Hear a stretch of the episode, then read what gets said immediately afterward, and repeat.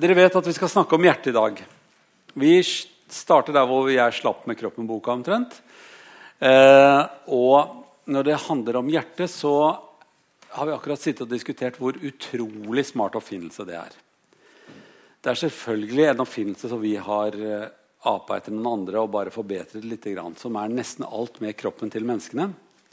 Det er en ekstremt forbedring av forrige ledd. Um, og hjertet er altså, hvis jeg skulle fortalt det i en barnehage, og det skal jeg jo Hjertet er der for å pumpe blodet rundt omkring. Vanskeligere er det ikke. Vi må pumpe blodet rundt omkring fordi at resten av kroppen trenger det blodet kan få med seg rundt. Altså Dermed kommer man til alle steder med blodsystemet, og da får man luftting eh, som skal rundt, altså oksygen. Og man får matting som skal rundt, og man får alle beskjedene fra de endokrine, altså de der kjertlene som skal sende beskjeder veldig langt fra der de egentlig er, og spesialiserer seg. Og så får man tatt all dritten tilbake. Det er sånn nattmannøvelse. altså Man tar det ut og Ja, dere kjenner til det der. Eh, vi skal ikke gjøre noe vanskeligere enn det, men vi skal diskutere hvorfor hjertet er som det er, og hvordan det virker. Ikke så mye hvorfor det er som det er, for det er det noen andre som har orden på, men, men hvordan det virker. Og hva vi gjør med når det går litt galt, og vi, hva vi kan gjøre for å holde hjertet friskt og tilstøtende organer, som det heter. Eh, og til det så har jeg fått med meg en ny kamerat som heter doktor Gaute.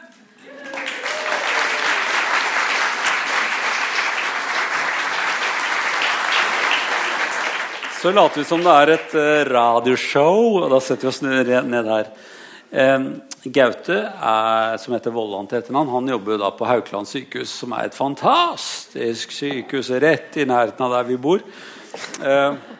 Og begge deler er vi fryktelig glad for. Uh, du jobber med hjertet der oppe, ellers hadde ikke jeg invitert deg. Ja, jeg jobber med rytmen. Ja det er jo blitt så mye spesialister på Haukeland nå at nå har vi delt opp hjertet i ulike seksjoner med ulike spesialfelt. Så ja. rytme er ett felt. det betyr jo at dere har fryktelig mye å gjøre.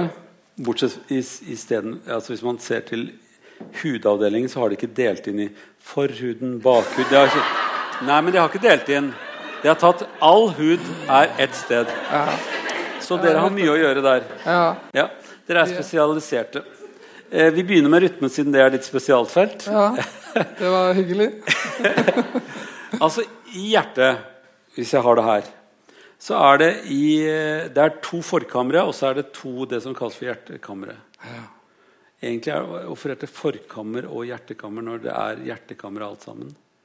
Nei, du vet, Det er akkurat som forværelse på et kontor. Du, du kommer liksom inn i et kammer som ikke er så viktig. Mm. Og så får du komme inn i det store hovedhjertekammeret, ja. og så pumpes blodet ut derfra. Men jeg vil ikke si at sær, i hvert fall øh, høyre forkammer det er ganske viktig. Ja, det er ganske viktig. Hva er det du kaller høyre forkammer når, for, eh, når du ser på meg? Er det der? Da tenker jeg der den knappen er. er det her? Ja, for der heter en liten knapp som heter sinusknuten. Ja, sinusknuten, ja. Knute er jo ikke noe noe gladord, egentlig? Nei, det, det, er litt sånn lite Sinus betyr jo en liten sånn fordypning, så det er en liten knute med celler som ligger der og har fått den utrolig kjedelige oppgaven, men viktig. Og så slå og slå og slå og slå. Viktig. To-tre milliarder slag i løpet av et liv. Er det bare det? Litt, litt kjedelig. To-tre milliarder slag? Okay. Det er mye. Kjedelig jobb.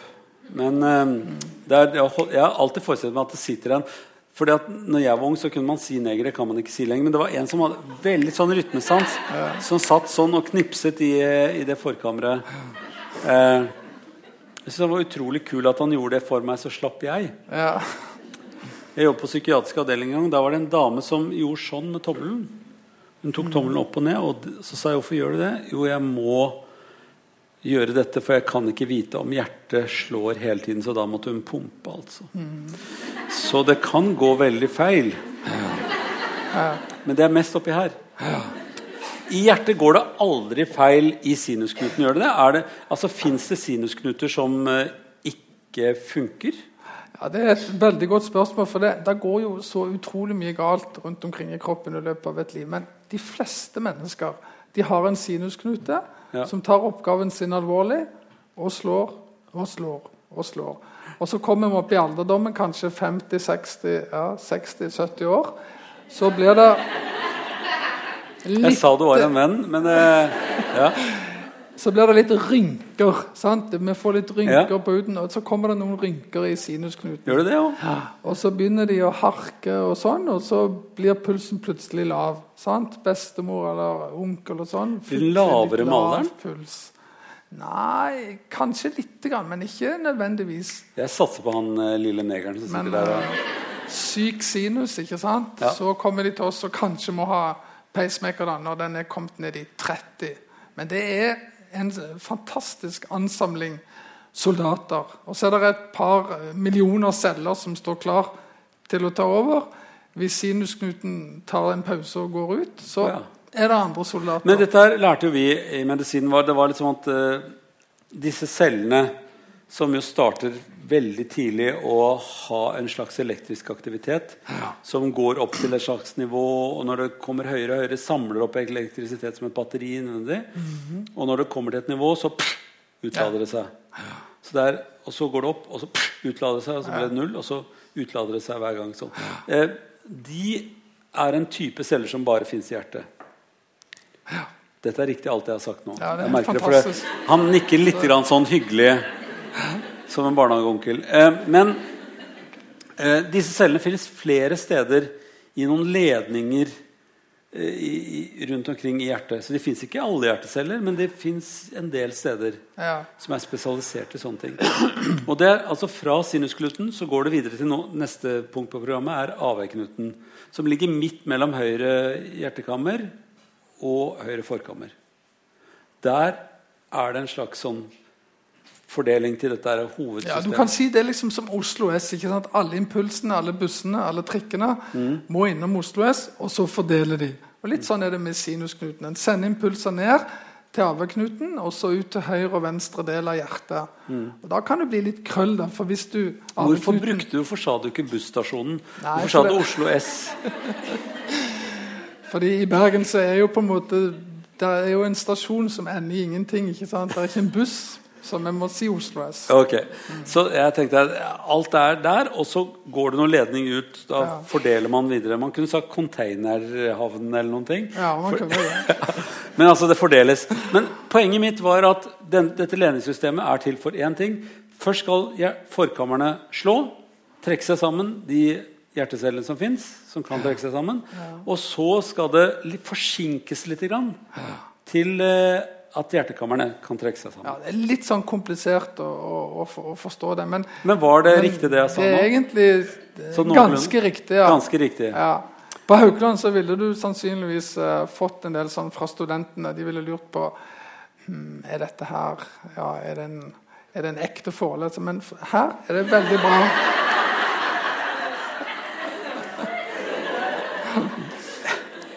En. Nå er det 1-1. Ok. Jeg trekker meg litt tilbake. Poenget mitt var at denne sinusknuten den er aktivitet hele livet vårt fra Du sa at man kan se på fosteret også så tidlig som fem uker. Ja, det er er dette her i gang, dette Det er nesten sånn at jeg ikke trodde det, for jeg lærte jo det i studiet, men så måtte jeg slå opp eh, på ny. da. Og det har faktisk ikke forandret seg på de 20 årene. Og det rare er at i dette lille mørket ikke sant, Det er ett- én millimeter. Uken 3, 4, 5. Dag 20, 21. Så det er helt stille og mørkt inni her. ikke sant? Og så vil da eh, fosteret på et eller annet tidspunkt rundt dag 21-22 Boff! Der kommer det første hjerteslaget. Og så øker det opp i løpet av fem uker. Fem uker! Det er ingenting. Til 180. Og sant? Dette skjer inni fosteret. Og så på utsiden ser du da «Ah, 'Jeg har ikke fått mens nå. Er du gravid?' Sant? Og så der inne Boff! Så har det begynt å slå. ja. Det er stilig. Ja. Noen ville sagt 'halleluja'. Ja. Ja, fordi at eh, her er det mye, eh, mye problematikk forbundet med at det er litt liv i gåseøynene. ja, det kan du si. Men eh, Det slår i alle fall. Ja, det slår. Ja. Og det er liksom liv der inne, og det, hjertet slår, og det holder på med resten av livet. Men det går stort sett bra. Kan det gå helt feil? Altså at det er noen som vil ha rømba, noen cha-cha-cha, noen vil ha vals. Ja, ikke sant? Det er akkurat det som er poenget. Du har sinusknuten, og så er det hundrevis av soldater nedover som står klar til å jobbe, og som da blir litt overivrige. Og f.eks. de som trener masse for å gå Birken eller sånne syke ting. Ja. Eh, De, de får jo så lav puls ikke sant? at de kommer under angrep fra alle disse ivrige soldatene. Og som starter rytmer, og så blir det cha-cha-cha og kaos. Og så får du det som heter hjerteflimmer. Ja. Forkammerflimmer. Uregelmessig puls og tung pust. Og energien forsvinner, ikke sant? Men det er rett og slett altså at det er elektrisk aktivitet som ikke er i det systemet det skal være? Ja, Sinusgutten blir på en måte overkjørt Ja. av de slemme guttene i klassen. ikke sant? Ok. Men, men sinusgutten blir overkjørt, eller holder den på med sitt ennå? Ja, den, den holder jo på, men altså, den drukner jo når det er Ja. en million andre impulser. Så Ja, Den bare rekker opp hånden hele tiden, men det er ingen som er ingen bryr seg. Nei. Så, så, og da, da kan man altså få andre rytmer som overtar. Og det som vi kjenner sånn av og til sånn eh, At det slår, kjen, kjennes ut som hjertet slår veldig hardt. ja. Og det er at det faller sammen noen ting, og så blir det et, et ekstraslag som man ikke hadde regnet med at skulle være der. ja, sånn som Før vi skulle inn her, så var sikkert du Jeg var jo veldig rolig, da, men du var sikkert litt nervøs. Sant? Du hadde, jeg kunne se at du hadde noen ekstraslag. Ja. sant? Jeg ville ikke si det. Ja. Og det kjenner jo ikke vi på dagen, men på natten. sant? Da legger folk seg ned og så Oi, der var det et dunk. Og da er det jo krise. Da må jeg ringe legen. Det er tre milliarder slag i løpet av et liv. Å, der var det et ekstraslag. Uh! Så de Så det skal vi da bare ta helt kult. Slappe av. Det er ikke farlig. Ja. Ikke farlig. Når begynner det å bli farlig? Nei, hvis det kommer veldig mange etter hverandre Hvis det er en sånn pult dum, dum, dum. dung. Ding, ding, ding, ding, ding. Bong. Da skal jeg ringe Ja, da ville jeg ringt psykiatrisk.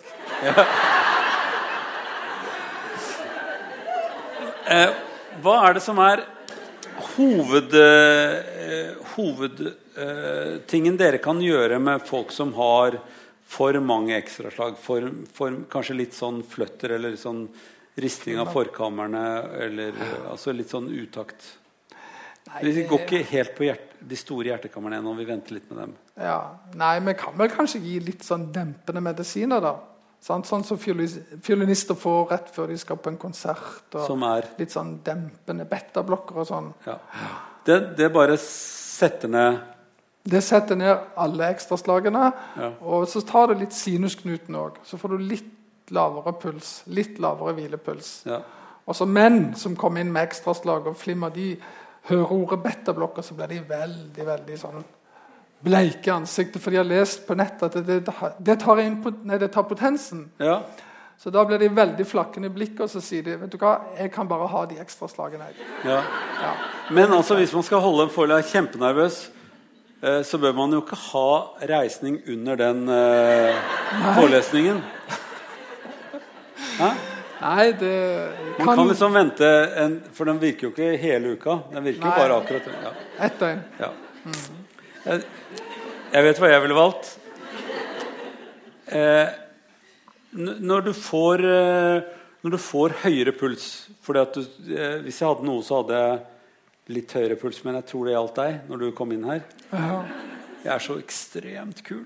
Eh, så eh, hva er det som gjør at det styres at man får høyere puls? For det får man jo når man er opphisset. Og så får man det når man trenger mer oksygen. Men hva er det som liksom steller i stand det Eller kanskje når man har for mye karbondioksid i blodet? Jeg vet ikke. Hva er det som Ja, det er kanskje mest adrenalin, ikke sant? Ja. Og adrenalin er jo veldig sånn fort til å påvirke hjertet. Det er snakk om sekunder. Sant? At du ser noe dramatisk, eller den damen som du endelig har tekstet med i lang tid, plutselig står hun der, eller, eller du får flott resultat på eksamen. Eller om du står overfor en tiger. Ja. Akkurat samme reaksjon. ja. Der fyker pulsen opp, ikke sant? Ja. I 150. Og det er jo funksjonelt, for da, da skal man få mer eh, blod ut til Og kraft til muskulaturen. Ja, skal komme seg av gårde. komme seg av gårde. Ja. Er det noe man ikke trenger når man ser den dama man trenger, så er det jo mer kraft. Eller til å komme seg av gårde. Nei, ja, det er man overhodet ikke. Men dette her eh, er hormoner som, eh, som plager noen ved at det, det fyrer. Eh, men det er jo funksjonelt, som vi snakket om. Men så er det eh, noen ganger så kan hjertet komme ut av rytme, og noen ganger kan man bruke, beta-blokker, men andre ganger så er det så mye urytme, og hjert, sånn at hjertet blir sånn klønete funksjons. Det, får, det, det slår ikke nødvendigvis sånn som er funksjonelt. Nei, det blir liksom bare virring. ikke Ja. sant? Så skal man gå opp en bakke og trenger mye puls, og så blir hjertet bare hengende etter og virre. Det slår ikke. Da er det plagsomt. Ja. Og da er det noen som da må bli kvitt de ekstra impulsene. Ja. Da er det noen som er veldig glad for at de bor i nærheten av landets eh, absolutt eh, Et av de bedre, men det beste, da, egentlig. Hjertearytmisenteret. Ja. Der de kan komme Og hvilket sykehus kan det være, da? Et sted der du jobber? Ja. ja. hvor, eh, hva gjør dere da, hvis folk har arytmi? Hvis det, hvis det har for mye rytmefeil? Da kan vi gå inn i lysken. Jeg Ja, skal men ikke begynne med det. Gjør dere det? Hei! Og så går dere inn i lysken? Dere undersøker vel bitte lite grann først? For nå ble jeg litt engstelig. Ja, men det er sykepleiere, sant? Vi Ja, litt... noen av dem er sykepleiere. Og de tar alt dette her og gjør det grundig, og så kommer legen og så er det wow, inn Ja. i lysken. Men du må jo finne ut at de har en Hva slags type arytmi har de? Ja, men du vet, vi har eh, tatt EKG hos Ja. fastlegen, og vi har fått masse utskrifter. Ja. Så vi vet alt om pasientene før de kommer. Så det dere Da vil dere øh, gjøre noe moderne, nemlig å svi av noen ting? For det drev man ikke med når jeg eh, var lege. Nei, Det var veldig morsomt. det der I 1981 så var det noen amerikanere som oppdaget denne tek teknikken med en feiltagelse. Mm. De skulle gi et elektrosjokk utenpå en pasient for å få sinusknuten tilbake og virke. Og så hadde de en ledning inni pasienten av ulike årsaker i Ja, hjertet. en ledning inni pasienten. Ja, og så ga de støt, og så la de merke til at den ledningen førte strøm og ødela et bitte lite område. Og Det var starten på hele den revolusjonen. Mm. Og nå er det venteliste på et år for å få brent disse stakkars impulsene. Ja, så Man går inn i hjertet, og så finner man de soldatene som er litt for ivrige, og som står midt i veien. Og så tar man rett og slett og kutter av, kutter av et eller annet. Man, man rett og slett brenner de vekk. Man svir de vekk, ja. Og hva blir det der isteden da? ja. Godt spørsmål. Det blir et lite arr. Ja, Og hva er et arr? Ja, ok, skal du liksom Ja, nå, nå er det min tur til å få noen poeng. Hva er Ja, et for, arr? for dette er litt uh, på en måte litt uheldig side av behandlingen. At disse arrene Ja. kan føre til at det blir litt kaotisk seinere. Så det viser seg at det kan bli en pris å betale for å bli kvitt disse impulsene. Mm. Nemlig at det kan komme andre impulser som er litt brysomme. Ikke Ja, noe men- farlig, men ubehagelig. Ja. Sånn at eh, man, man får noen eh, For arr består stort sett av støtteceller, ikke sant? Og de er de minst intelligente cellene som Ja. fins. Ja. Gidder du å holde dette her? Ja. Så står det bare Det er, det er jo uintelligente celler. Vi er enige om det. Så det blir arr eh, hvor det var spesialister, på en måte. Og så, bare fordi det ble brent og et høl, og da må noen stå og holde noen ting. Eh, så du får et arr der de har brent Hvis de ikke har brent veldig nøye, da, eller brent alle de verste, eh, verste verstingene. Ja. Men uansett hva du gjør, hvor enn du brenner, hvor bra det er, så får du et arr. Ikke sant? Akkurat som du skrev på sløyden på 80-tallet til mor med sånn svie. Ikke sant? Det blir stående. Ja. Og du kan angre på den fjæra, men du får, du får ikke gjort noe med det. Men du får gjort noe med det. Ja. Men så er jo tingen det at eh, mange har en overdreven eh, tro på at det er viktigst å bli kvitt de ivrigste, og så får vi ta de nest ivrigste seinere. Men det fører jo til at det kan bli litt mye inn og ut. da. Ja. Så vi er litt forsiktige med hvem vi gyver løs på. Ja. Jeg har en svoger som har svidd ganske mye, og han har det kjempefint. Ja. Ja. Så han har blitt svidd bra. Ja. Ja. Eh, hvis du eh, Hvis vi går litt videre eh, eh, så er det noen som også har trent veldig mye, fått veldig lav puls. Kanskje litt, fått et for stort hjerte fordi de har trent så veldig mye. Da får man litt større hjerte. Alt blir litt større hvis man trener det. Eh, og eh, hvis du da er en sånn type som ikke tåler det, så kan kanskje hjertet bli litt ufunksjonelt rett og slett ved at du har trent for mye. da. Ja, det er litt rart å høre at du sier det, men jeg er faktisk enig. Det var deg som begynte. Du sa sånne syke ting som eh, Ja. Men uh, det er faktisk bare nå i de siste årene at det er kommet sånn studier, som det heter når man skal være litt sånn viktig. Sant? At det er kommet studier på at det å trene mye kan være uheldig. ja. Og dette har jo mange av de som ikke gidder trene, kastet seg over og sagt eh, det er bedre, sant? det er bare tull og gå stolt og alt det der. Ja. Men eh, hjertet er litt overbelastet. Det lekker litt eh, viktige stoffer ut fra hjertet, som er målet. Og så ser vi at det å løpe maraton, det å løpe opp Stoltsen tre ganger på rad, tre dager i uken, belaster hjertet på en måte som kanskje gjør at det ikke klarer å ta seg inn igjen. For nå snakker vi om egentlig sånn kjempebelastninger for kroppen. Ja, Løpe men opp ma- Stoltsen, det er en kjempebelastning for min kropp i hvert fall. Ja. Ja. Og sikkert for din også. Ja, For du jeg er, gjør det ganske ofte, da. du er Jeg ville kalt deg en pingle, egentlig, i denne sammenhengen. Men eh, fordi at man, man, har en kropp som også skal kunne gjøre sånne kjempeting. Men kanskje bare hvis det er absolutt helt nødvendig. Ja. F.eks.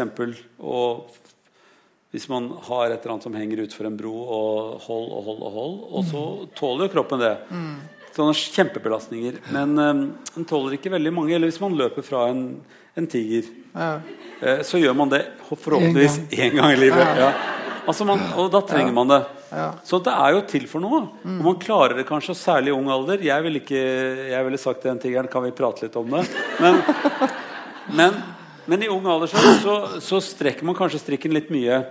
Eh, og, og da kan hjertet, hvis man også har eh, altså kan man, Da kan man få et for stort hjerte som, som får ubehag ved å Kanskje litt hjertesvikt, ikke sant? Ja.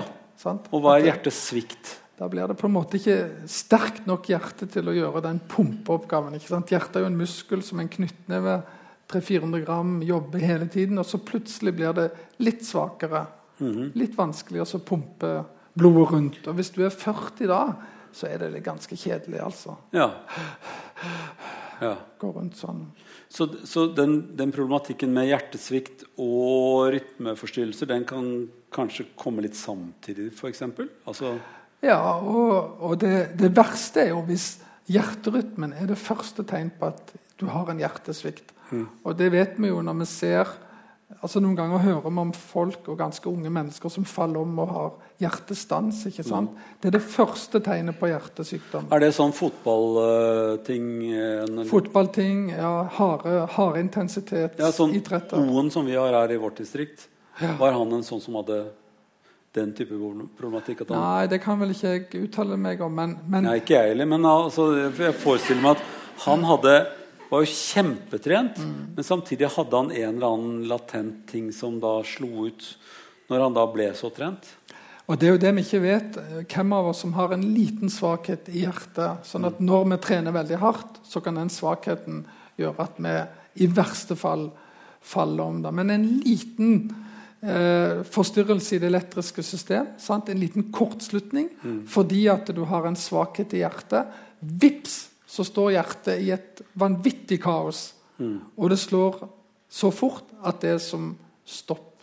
Og da kan det altså være slik at er du med noen, eller gikk du inn bak en dør og ble alene, gikk du rundt et hjørne når du slo plenen, gikk du ut i gaten for å hente posten, det er det som avgjør om du lever videre eller ikke.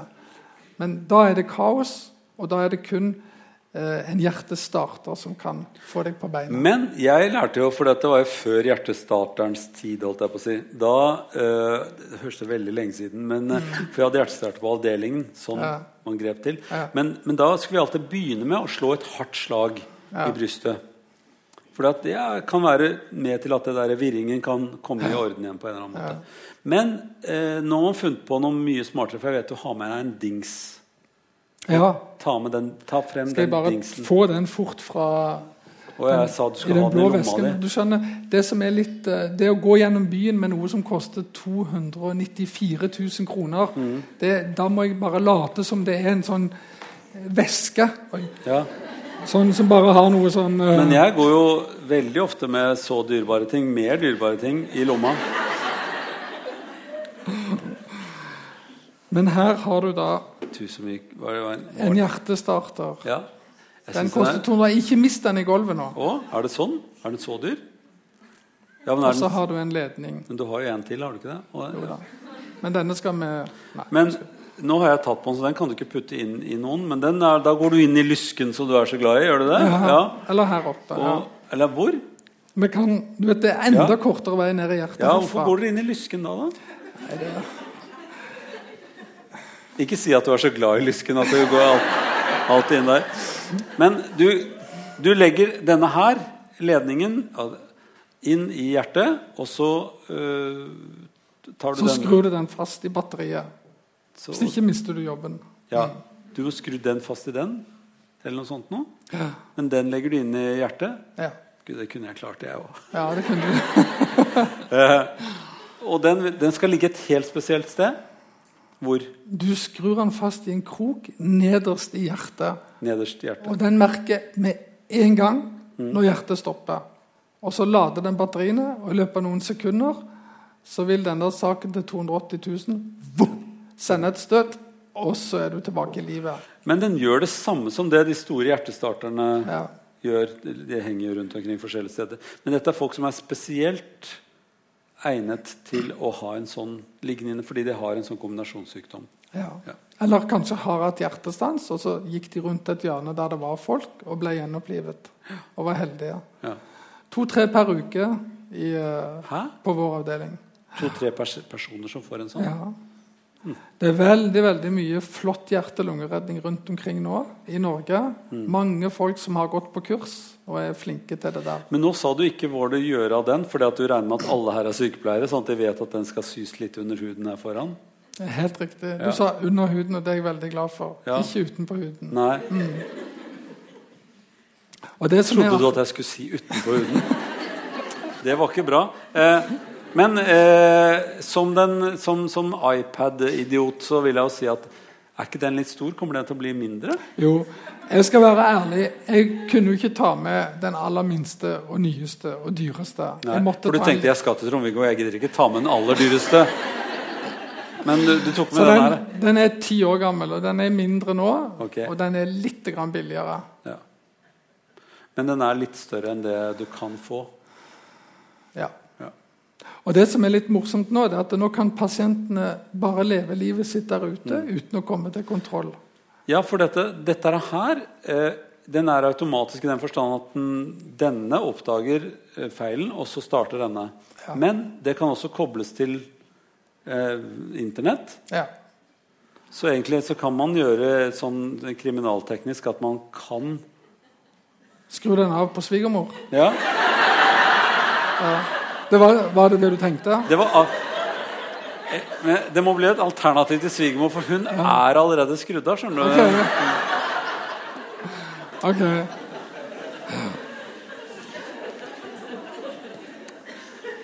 Men dette, en, dette driver du med så tre ganger i uken. Så gjør du dette her? Ja, og når de reiser ut Nå hadde vi en misjonær som skulle til Afrika. Så fikk hun med seg en sånn monitor. Og så kan vi sjekke hennes rytmer via Internett. Så slipper hun å komme helt opp til Haukeland på kontroll. Litt kjedelig. sant? Reise 48 timer, og så 10 minutter inn hos oss, og så ned igjen til Så dette gjør Sendte du med henne en solcellepanel-ting også? Så du kan ha oppe den der paden? Ja, hun har fått en sånn litt spesialordning, ja. Okay. Mm. ja. Nei, for at uh, Alt dette er jo uh, et tegn på at eh, det er blitt veldig teknisk å være Ja. hjertelege. Ja, det er sant. Det er Altså. sånn uh, på grensen til ingeniør, noe av dette her. Ja. Det er ikke bare bare medisin lenger. Nå er det også Nå må du kunne ganske mye ingeniørting. Ja, For at du må, du må vite at denne inneholder hva slags type batteri, og du må jo også gjøre noe altså, Man kan ikke bare sende sånne folk unnskyld meg, rett inn i ovnen når de er ferdig med den. Nei, det Det var noen som skjønte hva jeg mente, men, eh, Jeg prøver å være litt diskré, men det var ikke så veldig diskré. Du må plukke den ut igjen etterpå når alt er over. Ja, Ja. du kan, men altså, den eksploderer jo. og Det er jo noen ganger at det ikke så, Så du skal skremme folk på den avdelingen, ja? ja. Ja, Nå er vi litt makabre, men det er litt gøy òg, siden det er så mye sykepleiere her. Jeg merker at det blir litt sånn trukket ut på den der. Men eh, hele poenget er eh, for meg at eh, dette gjør man selvfølgelig for å ha pumpeeffekten av hjertet intakt hele tiden. Så lenge man kan, med så lite plager som mulig for, eh, for pasienten. Ja. For pumpen, som jeg rett og slett sa noe om i starten, er jo noe av hovedfunksjonen med hjertet. Eh, og det må oppnås et visst trykk. Det må liksom ut til alle deler av kroppen. Eh, mange har høyt blodtrykk. De vet om det. Hva, hva er årsaken til høyt blodtrykk? Ja, Det har de vise forsøkt å svare på i alle år. og Dessverre 90% av pasientene så har vi ingen god forklaring. Mange mener det har å gjøre med vestlig livsstil og at vi sitter mye i ro og spiser mye fett. og sånn, Men det er klart det er nok ikke så enkelt. Så det er ofte en uforklarlig tilstand. Og mange mener jo at det ikke er en sykdom, da. Men det er mer en tilstand av litt høye trykk som du må dempe for å forebygge at det skal bli problemer seinere. Fordi at høyt blodtrykk er i seg selv ikke noe dårlig. Nei, f.eks. i situasjonen du nevnte med tiger og dame. og alt Ja. sånt, Da må du få trykket opp. Ja, ja og da, det er derfor eh, betablokker er så lite gunstig for seksuallivet. Er det det du sier? Ja, det er kanskje litt enkelt å forklare, men, Ja. men blodtrykket må opp. for, ja, blod, blodtrykket må opp for å på en måte gjøre deg klar til innsats. Ja. Så når du Jeg likte uttrykket 'klar til innsats'. Ja, Blodtrykket må opp, rett og slett. Så man Ja. må ha høyt blodtrykk av og til. Ja, av og Enten det er. Stoltsen eller det er en dame du trenger. Så er det, Ja. Du må opp med blodtrykket. Ja, så høyt blodtrykk er jo ikke bare dårlig. Nei, nei, nei. Og før eksamen ikke sant, så går puls opp, blodtrykket går opp, du blir skjerpet, du er på alerten. ikke sant? Men så skal det gå ned igjen. Ja. Og når det ikke går ned igjen, når det er høyt hele tiden, så sliter det på kroppen. Du får mer åreforkalkning, du får mer hjerneslag, du får mer hjertesvikt. For det er jo veldig tungt hvis du skal øse en båt med en bøtte, og så henger det to store steiner på den bøtten Ja, okay. hvert. Så det er klart du blir utslitt til slutt. Og sånn er det med hjertet. Det blir utslitt. De to store steinene, hva var det for noen ting? Nei, Det er mulig det var litt for komplisert, men dere Ja. skjønte det. Ja. ja, De skjønte det. Jeg ville justert litt med de to steinene. ellers det var et veldig godt bilde. Ja. Eh, Jeg, det, jeg har øvd på det ville sagt 'Hvorfor har du to store steiner i bøtta?' Ja. Men, eh, men poenget med blodtrykk er at det skal være bevegelig både opp og ned. Ja. Og det man, når man sier at folk har høyt blodtrykk, så, så undersøker man om de har det hele tiden. Og om det er for høyt når det skal være lavt. Ja. Når man skal hvile, når kroppen skal hvile. Eh, hva kan eh, gjøre at alle disse tingene som vi nå snakket om Bra puls, som vi ikke vet helt hvordan er. Men altså du, nå hoverte du litt grann om oppståelsen og, og birkebeinerne og alt det der. der. Men det heter jo trening, og det er jo bra for hjertet. Og det er jo bra for blodtrykket. Ja. Hva, hvor, hva, hva skal man trene med da, siden ikke man skal trene så mye? Nei, altså det, det er viktig å gjøre dette enkelt. Og jeg tror eh, at i framtiden så blir det mye viktigere å ha det som kalles personifisert rådgivning. Ja. Det betyr at det er ikke alle menneskene som trenger trene veldig mye for å ha god effekt. sant? Alle trenger ikke spise masse fisk. Det er litt sånn individuelt. Men hvis du begynner med å være minst mulig i ro, sedat, og være i bevegelse, mosjonere annenhver dag 20 minutter, så får du en veldig gevinst. Hvis du går fra det og trener ganske ofte og mye og sterkt, så får du litt gevinst, men ikke så mye.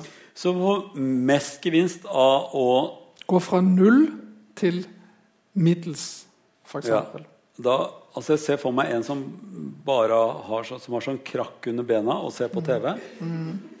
Det er ikke bra. Det er litt lite. Litt lite. Det er litt lite trening. Ja, nå var du grei. At du tenker at han løfter de Å ja, oppå der, ja. Sånn. Ja, ja. litt lite. ja. Men så man, eh, når du sier 20 minutter annenhver dag, så sier du, da, du sier ikke 'gå en tur med hunden 20 minutter'. Du sier 'bli litt svett'. Ja. Ja. Litt klam på T-skjorten, Ja. sånn at du lurer Så må på man ha T-skjorte, altså.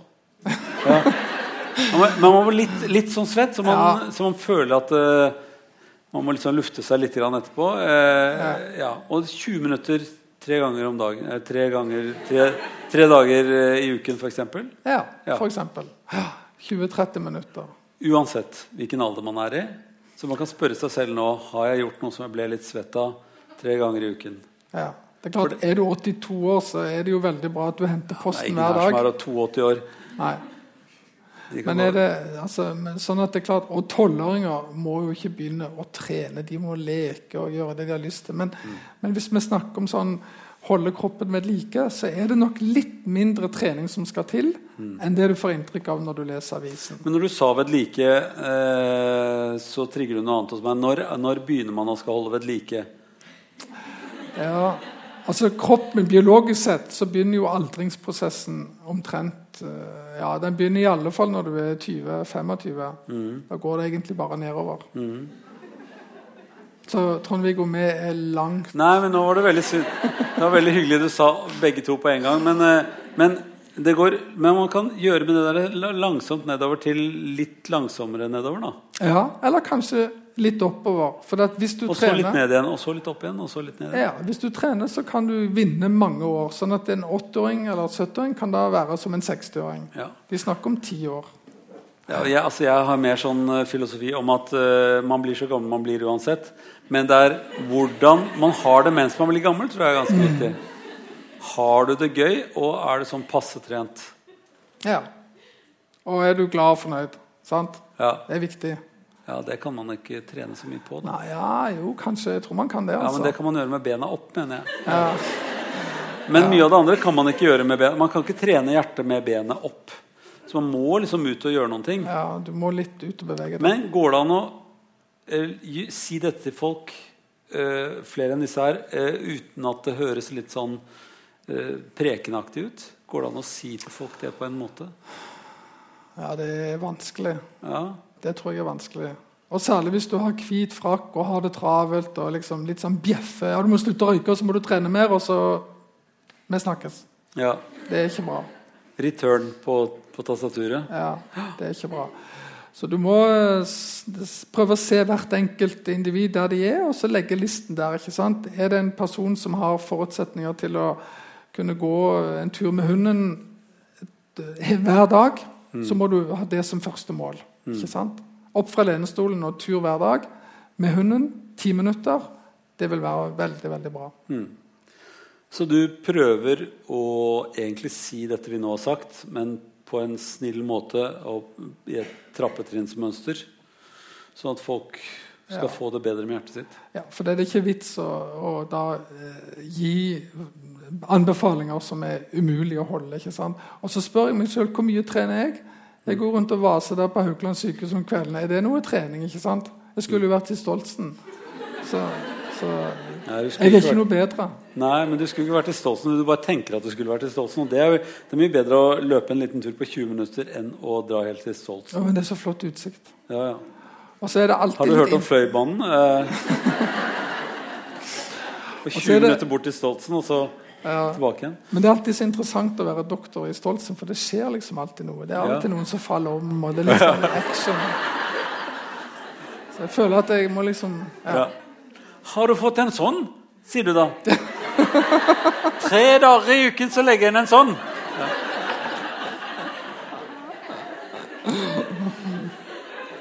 Men en annen ting som, som gjør noe med, med hvordan kondisjonen liksom hele blodsystemet er, eller, eller hjertesystemet er. Og det er jo selvfølgelig blodårene. Og da man, jo, har man jo til og med årer på selve hjertet. Og de er man mer opptatt av når man er hjertelege, enn resten av blodårene. Ja. Men det er en sånn tendens til at noe gjør blodårene mindre elastiske og dermed mindre kapable til å lage det blodtrykket man skal ha, og, og, og mindre kapable til å være en sånn justerende faktor som jobber med, med, med, med trykk og med alt det som kan gå feil med rytme og, og, og mangel på, på, på slagkraft og sånt. Og hvis man hadde hatt myke blodårer som liksom justerte seg til trykket, hadde det vært veldig bra. ja. Og det er jo sånn når vi er unge, da. Ja. Sant? Og så vil alle disse avlæringene og Skulle vi snakke om røyk eller ikke? Nei, vi skal ikke snakke om røyk ennå. nei. Ikke ennå. Vi begynner med avlæringer. Ja, Så får du mange sånne avlæringer fra kosthold, og kanskje litt sånn genetisk. sånn, Noen velger jo sine foreldre og gjør et veldig dårlig valg. ikke sant? Og så får du tykke, stive blodårer. Ja. Og så har du dette at de da kan Det kan bli så tett at du får et hjerteinfarkt. Så det om å gjøre å holde disse blodårene myke og tynne. Tynne vegger uten fett og avlæringer. Og Da kommer hele det kostholdsgreiene inn i bildet som alle vet noe om. Mm. Man skal spise fisk og tran. Ja, Og det er litt kjedelig. Sant? kjempekjedelige ting. Ja. Ja. Ik ikke smørfett, ikke eh, animalske fettsyrer-ting. Men jeg har en fin vinkling hvis jeg skal ta den. Ja, For at eh. Franskmennene de har jo alltid hatt lav forekomst av hjerte-karsykdom, og de dør i mye mindre grad enn ellers i Europa. ikke sant? Man har lurt liksom litt på er De dør til slutt, da. Heldigvis for oss. Altså, det, Ja. jeg trodde ikke det var sånn for denne forsamlingen. liksom. Jo, ja. Men Ja, uansett så, så klarte vi ikke helt å forstå hva det var, for de spiste også mye fett. Og Mm. så trodde vi det var alkoholen og rødvinen osv. Men clouet med franskmenn, eller den franske dietten, det er jo variasjonen. Mm. De spiser mye fett, men de spiser også veldig mye mer av det riktige fettet. Mm. Fleromettede fettsyrer, de spiser frukt og grønnsaker, de drikker litt vin, de har oljer. Mm. Så clouet er variasjon. Hvis det er noe du liker som er veldig fett, så kompenser med å spise enda mer av det som er sunt. Røyker du, så spis mye fisk. Har du en dårlig arv, tren eller spis mye fisk. Altså, Det er ikke én ting du må slutte med eller begynne med for å redde deg. Du må se på det litt sånn variert og mangfoldig. Men eh, nå sa du plutselig sånn røyk innimellom dette likevel. Ja, for det for at litt- røyk er i- i utgangspunktet er det ikke sånn at eh, franskmenn eh, røyker og drikker og spiser ulike ting. Sånn at alt det til sammen blir bra? Er det det? Kan Ja. du røyke hvis du bare spiser litt mer tran? Eh, Altså, du hører at det, det, det rimer ikke, det der? der? Nei, men det, det, det er nok noe i det. altså. F.eks. I, i Japan så mener man at man har litt mindre dødelighet ut fra røyk og hjertesykdom. Fordi at de spiser veldig mye, eller spiste veldig mye fisk og skalldyr og, og øh, havets produkter. Så til en viss grad så kan man si at hvis du da ikke klarer å slutte å røyke, så kompenser i alle fall med kostholdet. For å si det litt sånn enkelt. Det er noen som griper det halmstrået ja. med en gang. Ja. Men hva har jeg oppnådd da? Jo, jeg har oppnådd at de, de ville jo røykt uansett. Men de begynner å spise sunt. Ok. Og så hørte jeg en kollega her en dag sitte lenge og prøve å få en 82-åring til å slutte å røyke. Nei, det er What's the big deal? Ja. La nå han få lov til det. Ja. Jeg har eh, en veldig veldig gammel mann på et pleiehjem her i Bergen. Og, og han var vel 89 år, og, så, og, og lå der også selvfølgelig og fikk ikke lov å røyke.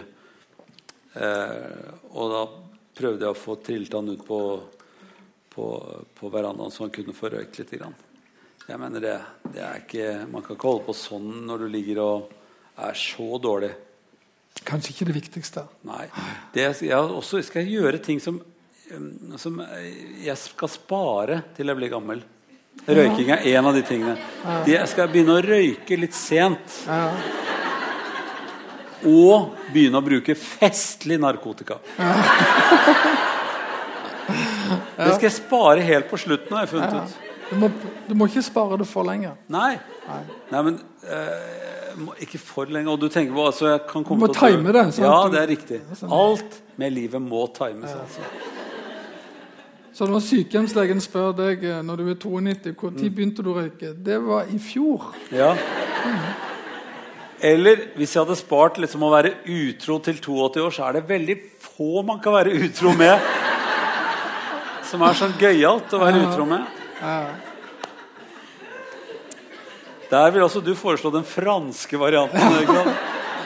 Han presidenten hadde, har, har noen ting på gang der som er veldig tullete. Eh, men altså eh, man, mener du man kan kompensere? For at forskningsmessig så er det sånn Man har jo sett på eh, eskimoer og sånt nå. Men de eh, kom ikke så godt ut når det gjelder hjertesykdommer, selv om de spiste veldig mye havets frukter. Ja, Som er sel, sel, sel og sel. ja. Men det var dette med variasjon. Ja. Og så er det vel litt genetikk, da. Det må Ja. vi vel si at det er veldig Jeg tror de kan spise stekt sel, kokt sel, røykt sel. De kan spise veldig mye forskjellige typer sel. Ja, Kaldsel. Ja. Kald sel. Som er sånn rester etter julemiddag. Ja. Ja. Ja. Ah. Jeg er veldig glad vi bor i andre strøk. Men, Så det hjelper jo ikke bare eh, å spise ting fra havet. Det er ikke, når du sier variasjon, så mener du rett og slett Du mener flerumettet festsyre på en eller annen måte Ja. skal innimellom. Da. Ja. For eksempel i, eh, altså i en annen by i Norge som jeg ikke får lov å nevne navnet på, så er det jo mange innvandrerforretninger. Jeg vet ikke om det er lov å si innvandrerforretninger. Jeg beklager. Jo, hvis det Men finnes jo utvandrerforretninger, så er det helt greit. Ja. Masse forskjellige grønnsaker sant? Mm. og osv. Belgfrukter, masse bra ting. Spinat. Og, og du har nøtter og sjokolade. Mange ting som en kan knaske i seg som er sunt. da. Mm. Variasjon. Nå sa du, du, sa sunt til slutt etter å ha sagt ah, nøtter og sjokolade, Ja. så vidt noen hørte her. Ja. Og annet sunt. Nøtter er ikke, nei, Sjokolade og nøtter er ikke så ille. Nei, men det er vel noe med dosen her også? Ja. Jeg er veldig glad i sjokolade, da, men så spiser jeg masse sjokolade, og så løper jeg Bitte grann rundt huset. Du er glad i sjokolade? Ja, ja, ja. Og Men det er noen som tåler sjokolade. Altså, Jeg tror kvinner må ha sjokolade. Det er min erfaring. i hvert fall. ja. Mens menn ikke må ha så veldig mye sjokolade. Så antagelig spiser ikke du så fryktelig mye sjokolade. Nei, men for når jeg er på vakt, så sniker jeg meg inn sånn på et rom og så tar jeg litt sjokolade, og så er jeg klar Ja. til å gå videre. Som en gammel slave. Ja.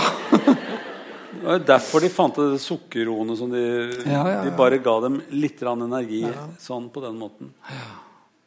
Nei, har du gått på det trikset der, altså? ja. Jeg har det. Vi er jo slaver, vet du, sånn egentlig. Ja. Nei, så, eh, det det, det med, med variasjon er viktig. Å spise variert. For det handler alt man får i seg, går jo via hjertet på en eller annen måte. Ja, Eller blodkarsystemet og hjertet, sant? som en Ja. sånn helhet. ja. Og så legger de seg, Vi snakket om dette belegget. Mange har jo sikkert hatt eh, pinnekjøtt til jul. Mm. Jeg har lagd det, og eh, sant? jeg tok jo den oppvasken i år. Mm. Og da, Mange har sikkert stått og skrapt fettet av Mm. den pannen som ligger under pinnekjøttet. En tykt lag med fett. Dagen etter. Ja, og da tenkte jeg dette vil ikke jeg ha på innsiden av mine blodårer. tenkte jeg. Nei. Da, Men hva gjorde du med det fettet som du da skrapte ut? Nei, Så skulle jeg akkurat til å tømme det ut i vasken, og så hørte jeg et hyl fra svigermor. ikke Ja. sant? 'Det må du ikke hive i vasken, for da stivner det.' og Så, sånn. Ja. så jeg bar det ut i hagen, og så begravde det. det. Det var bra. Ja.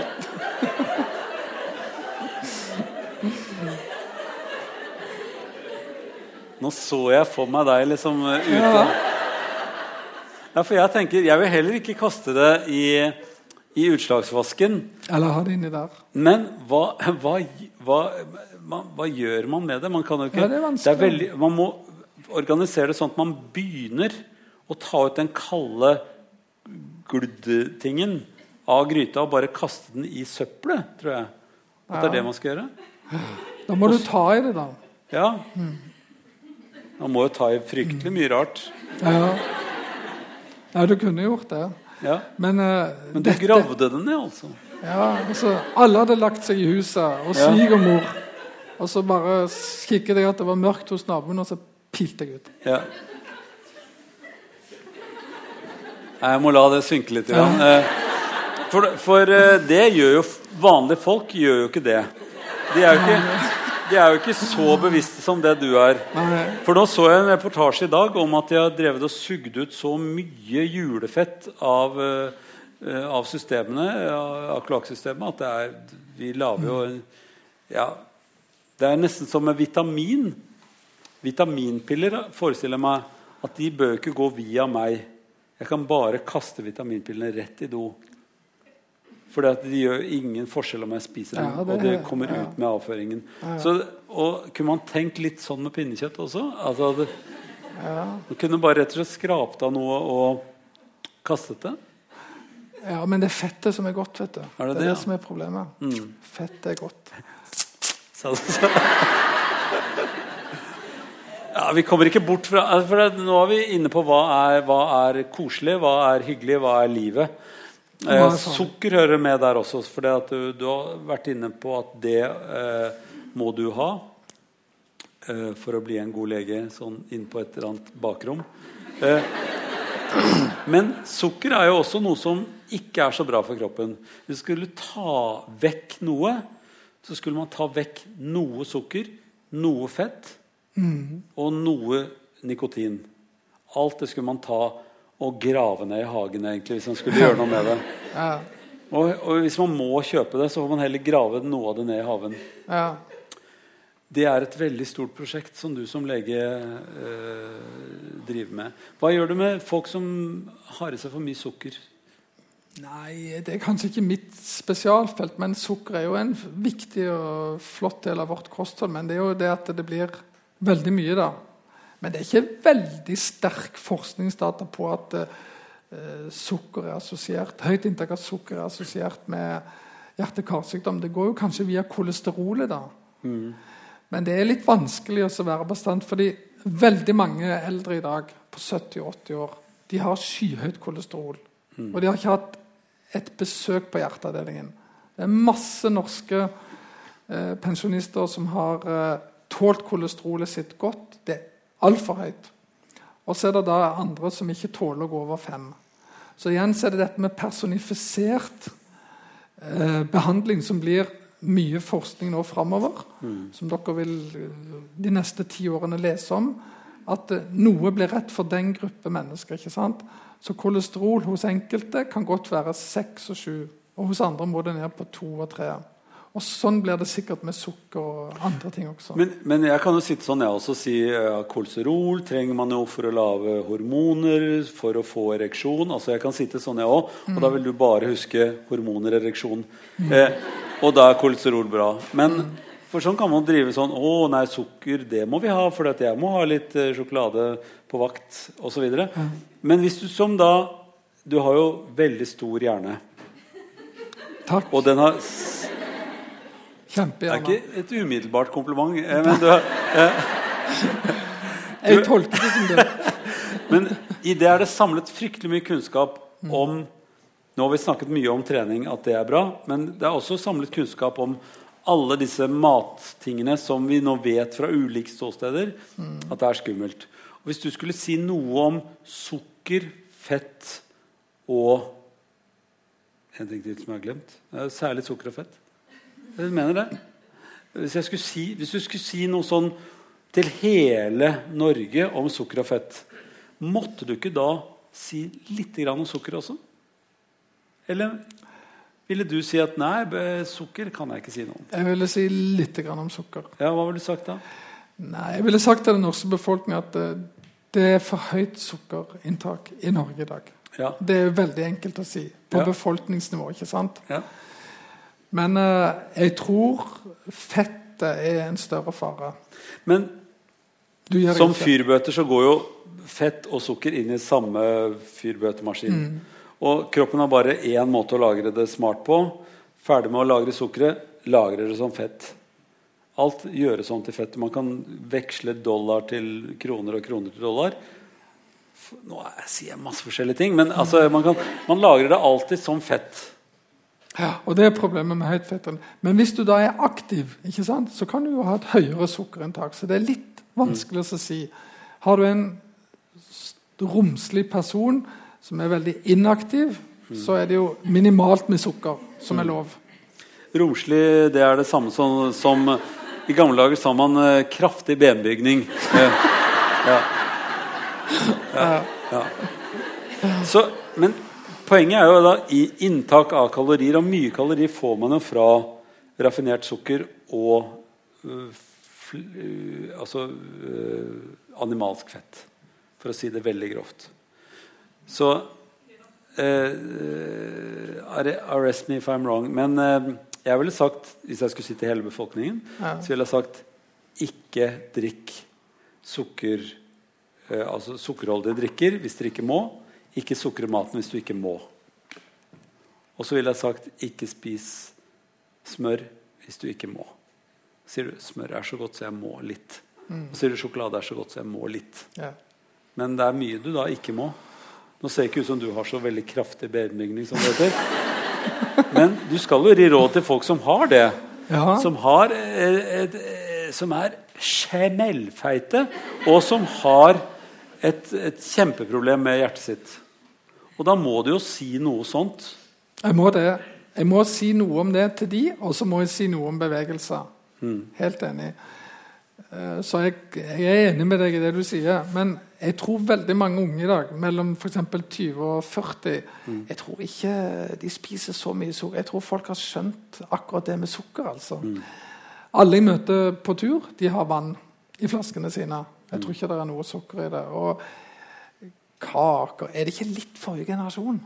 Er det ikke bestemor det der med de svære kakefatene? Altså, hvis du er på buss Svære kakefat eh, kan vi snakke om, men altså sukkerholdige drikker Det er det veldig, veldig, veldig, veldig veldig mye av. Er det riktig? Men, men de er ikke her. Okay. De som, eh, og det samme, jeg tror det er veldig mange som ikke vet at uh, junkfood Og vi vet hva junkfood er. ikke sant? Det er det som lages i steder som lages veldig fort og dyppes ned i noe fry pan.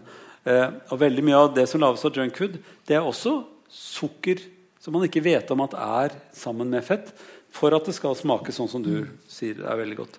Eh, men eh, det er et vanskelig budskap, og det er nesten umulig å virkelig få det helt ut. For det er så mange som jobber den andre veien. Og jeg vet ikke hvordan man skal få gjort det. Nei, det er jo den taktikken du nevnte tidligere. da. Hvis det er vanskelig å få noen til å endre atferd på akkurat de negative tingene, kanskje da si at da må du heller gjøre det og det. Det, det, det, dette var en litt sånn der gørrkjedelige pedagogiske ting, men jeg måtte gjennom den. Ja, jeg er Eh, veldig glad for det. Nå skal vi over til noe gøy. Hjerteinfarkt! Det er topp. Det elsker jo folk. For er det noe som er eh, Det er liksom Det var det verste hjerteinfarktet overlegen hadde sett. Det sa de før med stor sånn glede på det sykehuset. Ja. For der er det liksom enten-eller. Enten så har man et hjertefag, eller så har man det ikke. Jeg hadde sånn følelse av at Før så gikk folk og hadde mye mer sånn Sånn som min bestemor hadde. Hun drev med eh, vindushandling, som hun sa. Da stoppet hun opp, så litt i vinduet og hadde angina pectoris. Altså hadde hadde litt trange blodårer. Hadde litt vanskeligheter med å få opp farten. Hadde litt sånn at det var litt sånn småvondt. Måtte ta en tablett og legge under tungen. Og er det veldig mange som har det nå? Har de ikke enten hjerteinfarkt eller ingenting? Jo, eh, det var en veldig klok observasjon. Jeg, jeg ble nesten litt sånn slått ut. Var det 1-0 til meg nå, plutselig? Ja, nå er det 4-1. Oi. For det, dette er en veldig korrekt observasjon.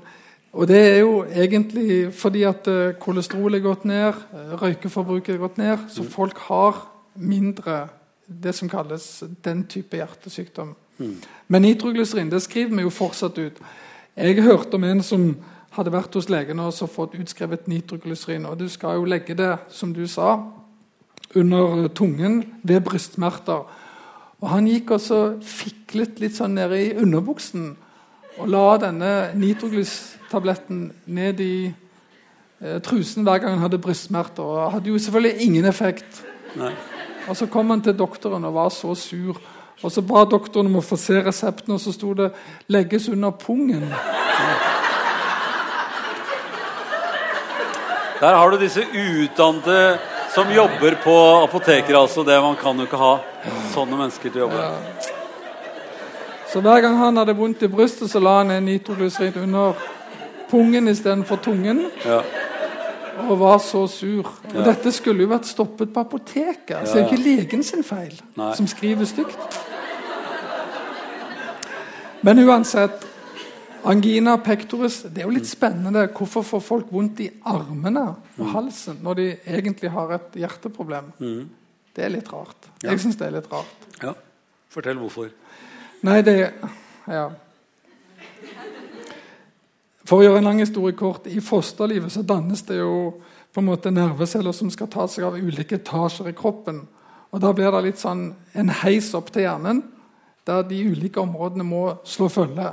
Så smerter fra hjertet og armen osv. her oppe de er nå sine egne herrer her ute, og så møtes de i midten, i ryggmargen. Og så tar de heisen opp til hjernen samtidig for å gi beskjed om smerte. Og Da klarer ikke hjernen helt å forstå om det kommer fra hjertet eller armene. Og Det vanligste er jo å få impulser fra armene. Det er ikke ofte man har vondt i hjertet. Sant? Så hjernen tenker ok, da er det smerter fra armene. Og så blir det det som er våre opplevelser. Og så er det jo litt spennende at kvinner har litt andre typer symptomer. Ikke fullt så ofte vondt i hjertet. De kan ha hodepine, smerter i kjeven, bare bli trøtte, noen får vondt i magen. Og det gjør det veldig vanskelig for doktoren noen ganger å si du har et hjerteinfarkt. Inn på Haukeland. For kanskje en del av de som hadde angina pectoris før, hadde små hjerteinfarkter? Er det det du prøver å si? Ja, det tror jeg absolutt. Og nå har vi fått så flotte blodprøver at det kan analyseres på mikroskopisk nivå om det er lekkasje av hjertet. Eh, enzymer vil, eh, eller markører, som det heter nå. og Da vil vi kunne se det, at her har det vært et bitte lite hjerteinfarkt. Og før ville jo det passert som angina. ja. Mm. Jeg leste også rett før jeg kom hit at uh, en del ny forskning kan vise forskjell på de som har hatt et litt infarkt eller har infarkt til å komme eller ikke har det, ved at det er noen sånne endotelceller, at det er noen sånne indre si, hjerte, nei, blodåreceller som svever rundt i, i, blodbanen også. At det er et eller annet som er på gang. Liksom, at det er noe lekkasje av noen, noen sånne reparasjonsceller som da liksom, At det er mye som skjer rundt et hjerteinfarkt før det blir et hjerteinfarkt. Det var det som prøvde å komme ja. til det. At det, det, er, det, er, kanskje ikke sånn Å, hjerteinfarkt, vips. Ja. Det har skjedd et eller annet, eller er noe som er i gjære ganske lang tid i forveien. Det er et godt uttrykk. Noe som er i gjære. Og det er lite grann dagen før, kanskje, mm. og litt grann smerter. Men en sånn, en sånn hendelse kan jo utvikle seg over ganske lang tid, faktisk mange år. At det blir en litt sånn forsnevring, som vi snakket om i sted. Mm. Og så plutselig, så, akkurat som et belegg på gulvet, så danner det seg en liten sånn skade i det stabile massivet. Og så kommer disse cellene som du forandrer, mm. lekker ut. så det er egentlig et slags sår inni en blodåre. Ja. Og så blir det kanskje en, en klodd, en sånn klump, som så fyrker av gårde og tilstopper et, en åre. Og det er det som medfører et infarkt, altså at det ikke kommer blod videre. Og så blir det, har vi disse her idiotene som blir stående igjen og være støtteceller. Ja. For da blir det et arr, og så blir det ikke en, en funksjon som mangler. og så blir det bare støttecellene som Ja, Så er hjertet litt svakere på det området, og så ja. får du litt hjertesvikt. Men det blir jo ikke hjerteinfarkt før det er stopp i blodet. ikke sant? Mm. Og i det øyeblikket blodet ikke kommer fram til hjertemuskelen, så får du smerter. Ja. Og da er tid viktig. Så på hjerteavdelingen på Haukeland Ti, men du mener TID, ikke sant? Så tiden er veldig viktig. Mm. Så hvis man har en sånn, eh, et, en sånn smerte, så kan hjerteinfarktet ikke ha utviklet seg helt. Og da går det an å gjøre noe med det hvis man kommer fort til eh, Og her har vi ambulanser og helikopter og alt det der. Ja, og da er på en måte, Vi pleier å si på, på hjerteavdelingen vår at tid til studentene Tid er muskel. Mm. Muskel er jo hjerteceller. Sant? Så for hver eh, ti minutter eller en halvtime som går, så taper vi muskelceller. Så da er det blålys, helikopter inn, ambulanse inn. Og så er det å komme inn i den blodåren og få på en måte staket ut den forsnevringen. Blåst opp en ballong, presset seg gjennom, få blodet til å flyte. Mm. Og Da kan du redde nesten hele den muskelen som ligger under press. Mm. Så folk får jo mye mindre skader av hjerteinfarktene nå. Og du fortalte jo når du eh, jobbet eller når vi var studenter, så var det jo masse hjertedød. De døde som fluer på hjerteavdelingene. Og nå er det jo nokså sjelden. Det syns jeg var å ta i det med fluer, men eh, det, eh, For det var jo tross alt ikke så mye gjennomtrekk. Da det var noen som lå der og, og kom seg. Men det var veldig mange flere som døde. For det var ikke så mye annet man kunne gjøre enn å rett og slett bare se hvordan det gikk, og gi noen medisiner. Jo, det var det. Så det var sånn skopvakt og titta på rytmen, og da så man jo de som var dårligst. Og noen ganger ble de så dårlige at det, det er jo ikke lenge siden. 2030. Ja. Nei, ja, det er ikke lenge siden. Eh, hvor, eh, men nå går man altså inn i lysken, det er det du liker. Lysken ja, og går til hjertet. går til hjertet. blåser opp, dytter ut. Og, og så er det noe som Det heter blokkering. Nei, blokking, unnskyld. Ikke blokkering. Nei. Det er i fotballen man driver med det. Men også, har dere noe som heter stent. Fortell hva stent er for noe. Ja, så må du på en måte da komme deg gjennom en veier, og så Hva gjør du så? For at ikke dette skal komme tilbake i morgen, så må du på en måte legge en Nå sa du en sånn vaier. Kan vi ikke bare ta bort det bildet? Du kom, du kom igjennom en vaier? Ja, du må gå opp i lysken. Ja. Med Så inn hjertet. Inn i det. og så må du gå ut i det blodåret, Mm. og så blåser du opp en ballong og presser den massen vekk, sånn at blodet kan renne ut. Mm. Så det er første punkt. Du har etablert blodforsyningen til muskelen, Mm. og så er faren over. Så kan du ikke bare trekke deg ut, og så tetter det seg igjen. ikke sant? Mm. Så må du sette inn en forskaling som er nesten Du kan si en lillefinger der, som er som en netting som du presser ut der, og gjør at denne massen ikke detter i hop inni blodkaret og tetter. Så det blir nesten som en sånn øh, øh, spiral eller noen ting som står og holder veggen? Ja. En indre vegg, på en måte? En indre vegg. Ja, okay. Så man går ut, blåser opp, dytter vei øh, og, og, og får en sånn forskaling eller en indre vegg. Hvor blir det av den proppen som var der? Ja, Den er på en måte presset ut i veggen, og så gjemmer han seg i den stenten. Ja. Og så fyker det nok litt små før de løser seg opp. da. Men du får sterke blodtynnende medisiner, sånn at Ja. dette skal løse seg opp. Så det blir, så sånne, det blir kanskje noen sånne småklatter. Ja, det gjør det. Men det, gjør det. kroppen er jo utrolig smart til å rette opp nesten alt. Ja, Hvis så du ikke røyker, da. Så for røykere vil jo ha litt sånn klebrige celler, og det vil være litt lettere at de Så det er en av grunnene til at man ikke bør røyke da, hvis man har nå en gang fått denne hjertesykdommen. Det er at blodet levrer seg litt lettere da. Mm. Og hvis du spiser sunt, så vil du hele tiden ligge på hugget med å ha blod som er litt lettere tynt. Så rent teknisk så kan man nå komme raskt til lege, få hjerteinfarktet til å bli kanskje borte, eller i hvert fall veldig mye mindre. Og da får man antageligvis sjekket andre ting hvis man først er der inne, som dere kaller det. Uh, og så retter man opp på det som måtte være der ellers. I det nye da jeg var lege, var jo at man kunne lage noen uh, forbikjøringer. Altså at man lagde sånne Satt på et, en, en, en forbikjøringsåre rundt et sted som var helt tett. Du mener en hjerteoperasjon? Ja, rett og slett. Og Det var jo den gamle metoden. ikke sant? At man, man måtte bare lage en omvei. Men det må vi jo gjøre nå også, for vi kan ikke blokke alt. Så fantastisk er vi ikke. Det er masse vanskelige forsnevringer. Så da må man lage omveier. Og da er det den gode, gamle, trygge, flotte hjerteoperasjonen. Som nå gjøres på folk. Du sa det som om det egentlig ikke er sånn. At det ikke Ja. er noe trygt. Ja. Jo, for på 70-tallet med hjertebroen så var jo det relativt risky business Mm. å få en hjerteoperasjon. ikke sant? Og Dødeligheten var jo mye høyere enn i dag. Mm. Nå vil jeg påstå at det er en rutineoperasjon. Ja. 80-åringer reiser seg opp og går etter én til to uker på Haukeland. Mm. ja, Da lager de det som heter bypass, at man lager en, en, en omkjøring. Ja. Mm. Man tar blodårer fra et annet sted og vasker dem og ordner og vrenger dem og litt sånt noe. Og så setter man en, eh, en omvei. ja. Og dette er vellykkede ting. Jeg har snakket med sånne pasienter som aldri har hatt det bedre i sitt liv enn de har med fem eh, ekstra blåårer. ja. Uh, Så det fungerer veldig ofte helt ok. Men det er klart, hvis du har valget mellom det å bli skåret opp og fått lagt disse bypassene, og at du får noe oppi lysken, Ja. og så blokking, så er jo det mye lettere. jeg ville mye heller hatt deg oppi lysken enn å ha Ha åpnet og blått stilt hjertet mitt. Ja, ja. Eh, men altså med alle disse tingene, eh, har du noe tro på at, eh, at infarkter vil se helt annerledes ut i fremtiden? Tror du det å få et infarkt vil være noe helt annerledes i fremtiden? Ikke så farlig?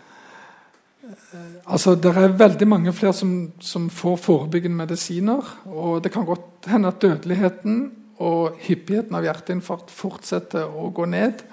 Men sykdommen vil vi nok ha hyppig. Og Men forestiller du deg at du kan skanne befolkningen på en eller annen jævlig smart måte eh, når de er sånn ca. 40 år, og så plukke ut de som da trenger noe spesielt, og så hindre at de får, får hjertedød tidlig i livet? Ja, det er absolutt et alternativ. Det er skanning på gang på hjertet. Det er skanning på lungene. for å oppdage... Men genetikk litt grann, og litt bakterier, og finne ut hva slags type du er? Personifisert behandling kommer til å bli fremtiden. Mm. Og kommer eh, er mye industri som er interessert i å selge sånne produkter. Legene må være veldig opptatt av hva kan dette gjøre for de som trenger det. Det verste er at du får en stor gruppe mennesker som er friske, som får et litt negativt resultat på en test, og så er de bekymret for at de er syke. Og så blir de kanskje gående som pasienter, og så er de egentlig friske. Det er ikke bra. Nei. Derfor vet f.eks. ikke jeg mitt eget kolesterol. Nei. Du vet ikke ditt eget kolesterol? Nei, hvorfor skal jeg det? Nei, jeg vet ikke. Hvis du ikke vil vite det, skal du ikke få vite det. Jeg vet mitt. Eh, det er helt fint, altså. Og det kan godt tenkes at ditt er også. Eh, du virker i hvert fall som en som, eh, som har et ganske fint kolesterol. Vanskelig å si. Ja. Eh, jeg syns det har vært fryktelig hyggelig å prate med deg om hjertet. Eh, du er velkommen når som helst oppi lysken min. Eh, og det håper jeg dere sier også. Og så sier jeg tusen takk for at dere kom.